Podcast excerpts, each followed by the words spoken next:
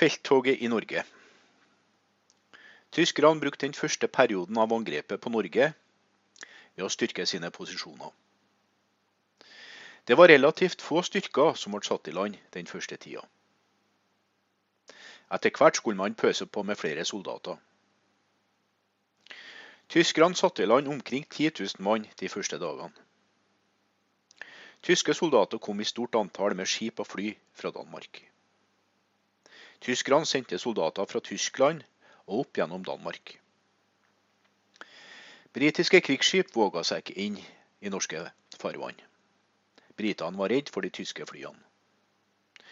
Omtrent 140 000 tyske soldater ble overført til Norge med fly og skip i løpet av de nærmeste ukene. Mesteparten av de tyske soldatene kom til Oslo. Derfra skulle de ta seg opp etter dalene til Trondheim. De allierte ville ta tilbake Trondheim og Narvik fra tyskerne. De bestemte seg for å sette i land soldater i Namsos og Åndalsnes. De skulle ta Trondheim i en knipetangsmanøver. 14.4.1940 ble franske og britiske styrker satt i land i Namsos. Tre dager senere ble det satt i land allierte styrker i Åndalsnes. Styrkene skulle ta seg frem mot Trondheim. De allierte styrkene turte ikke gå direkte mot Trondheim. De var redd for de tyske flyene. I Østfold ville tyskerne sikre jernbanen mot Sverige. De gikk inn i Østfold fra tre kanter 12.4. Det oppsto harde kamper ved Fossum. De norske soldatene trakk seg tilbake til Mysen og Ørje. Noen norske avdelinger gikk sågar over til Sverige. Kongsberg ble besatt uten problemer. 13.4.1940 av tyskerne. Obersten overga de norske soldatene som hadde møtt opp på Eistadmoen, uten at det ble løsna et skudd. 15.4.1940 overga de norske styrkene seg under ledelse av general Liljedal. De norske soldatene var råville. De visste ikke hva de skulle gjøre. I Vinjesvingen ble det utkjempa harde kamper med tyskerne. Den norske avdelinga overga seg først 5. mai. I Rogaland ble det utkjempa kamper ved Dirdal. De norske soldatene overga seg 23.4.1940. Det var et stort antall norske soldater på Voss. Disse soldatene ble frakta til Østlandet for å kjempe der. Soldatene som var igjen på Voss, brukte tida på å holde de tyske soldatene i sjakk. Tyskerne kom nå langs Bergensbanen, samtidig som det ble satt i land soldater i Hardangerfjorden. Nå gikk de til angrep på Voss og tok den lille vestlandsbyen. Nord i Trøndelag ble det satt opp avdelinger med norske soldater på Steinkjer. De deltok i kampene mot tyske soldater sammen med britiske og franske styrker. Tyskerne bestemte seg først for å sikre Trondheimsområdet og jernbanen til Sverige. 21.4.1940 gikk tyskerne nordover mot Steinkjer. De pressa de allierte styrkene lett nordover. Allierte styrker kom fra Namsos over Namdalseidet og sørover fra Snåsa. Da de skulle til å angripe tyskerne, så ble det bestemt at de skulle gjøre retrett fra Namsos. Den norske militære ledelsen i området hadde ikke fått beskjed om at de allierte skulle forlate området. Dermed overga de norske styrkene seg til tyskerne. Hegra er en bauta i trøndersk krigshistorie. Hegra er et militært fort som ligger i Stjørdal. Her holdt norske soldater stand i lang tid mot tyskerne. På Østlandet var hovedmålet for general Ruge å stoppe den tyske fremmarsjen, inntil vi fikk militærhjelp fra utlandet. Det gjaldt å hindre at de tyske troppene tok seg ut fra brohodene sine og at de klarte å forene seg. Det gjaldt å hindre at de tyske styrkene klarte å ta seg nordover til Trondheim.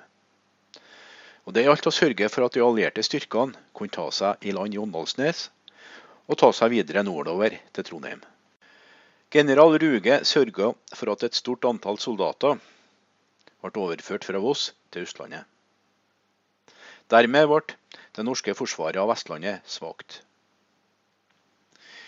De norske styrkene skulle trekke seg nordover. når den tyske overmakta ble for stor. De norske styrkene skulle befeste ei stilling som gikk fra Dokka i Valdres til Rena i Gudbrandsdalen. Denne linja skulle forsvares for enhver pris. Imens skulle de allierte styrkene ta seg til Trondheim fra Åndalsnes. Avdelingene som ble satt opp langs denne forsvarslinja, var små, dårlig utstyrt og dårlig trent. De allierte styrkene som skulle ta seg fra Åndalsnes, var også dårlig trent og utstyrt. Nordmennene hadde 10 000-12 000 mann som sloss mot tyskerne. Tyskerne hadde gått over 20 000 mann til disposisjon. Disse soldatene var derimot godt trent, og de var godt utstyrt. Tyskerne hadde dessuten herredømme i lufta, og de kunne dermed terrorisere de norske styrkene. I tillegg hadde de tanks som kunne bryte seg gjennom de norske stillingene. Likevel møtte tyskerne norsk motstand. 16.4.1940 møtte tyskerne sterk norsk motstand ved Kongsvinger og Jevnaker. De norske styrkene utnytta snøen og terrenget godt. Her slet tyskerne en god del. Det ble også utkjempa harde kamper ved Åmot, som ligger på østsida av Mjøsa. Soldatene fra Voss ble overført til Valdres. Fra 19.4 til 25.4 ble det utkjempa harde kamper ved Bagn. Omsider klarte tyskerne å ta Fagernes. De tyske soldatene tok seg langs Mjøsa, for så å fortsette opp etter Gudbrandsdalen og Østerdalen. De tyske styrkene pressa seg nordover, med nordmennene på stadig vikende front. Ruge ba om hjelp fra de britiske styrkene, noe han fikk. I stedet for å dra nordover mot Trondheim, så kom de nedover mot Gudbrandsdalen og Ustedalen. De britiske styrkene klarte heller ikke å stanse den tyske fremrykkinga. Et tysk fallskjermkompani ble sluppet over Dombås. De skulle stoppe den allierte fremrykkinga fra Åndalsnes og så angripe de norske styrkene bakfra. De tyske fallskjermjegerne ble derimot nedkjempa av norske styrker. 23.4 fikk de tyske styrkene et gjennombrudd i Østerdalen. Omtrent samtidig led de britiske og norske styrkene i Gudbrandsdalen et militært nederlag. Raskt nådde tyske styrker Otta i Gudbrandsdalen og Kvikne i Østerdalen. 30.4.1940 nådde de tyske styrkene Berkåk. De møtte tyske styrker som kom nordfra. Nå beslutta de allierte seg for å avslutte kampene i Sør-Norge. De begynte å trekke ut troppene sine fra Namsos og Åndalsnes. Nordmennene var skuffa. Tilbaketrekninga utvikla seg til en regjeringskrise i Storbritannia. Winston Churchill ble ny britisk statsminister. I mai 1940 hadde de allierte styrkene trukket seg ut av Sør-Norge, og de norske soldatene hadde overgitt seg. Men kampene rundt Narvik skulle fortsette en god stund til. Narvik var den eneste plassen som tyskerne satte i land tropper nord for Polarsirkelen. Etter hvert skulle tyskerne få militær motstand fra briter, franskmenn, polakker og nordmenn. De allierte klarte å mønstre 24 500 utenlandske og 10 000 norske soldater. Tyskerne hadde bare 6000 mann ved Narvik-fronten. I starten var de bare 2000 mann, men det ble sluppet mange tyske fallskjermsoldater ved Bjørnevatn. Tyskerne fikk ikke frakta inn forsyninger til soldatene som lå ved fronten ved Narvik.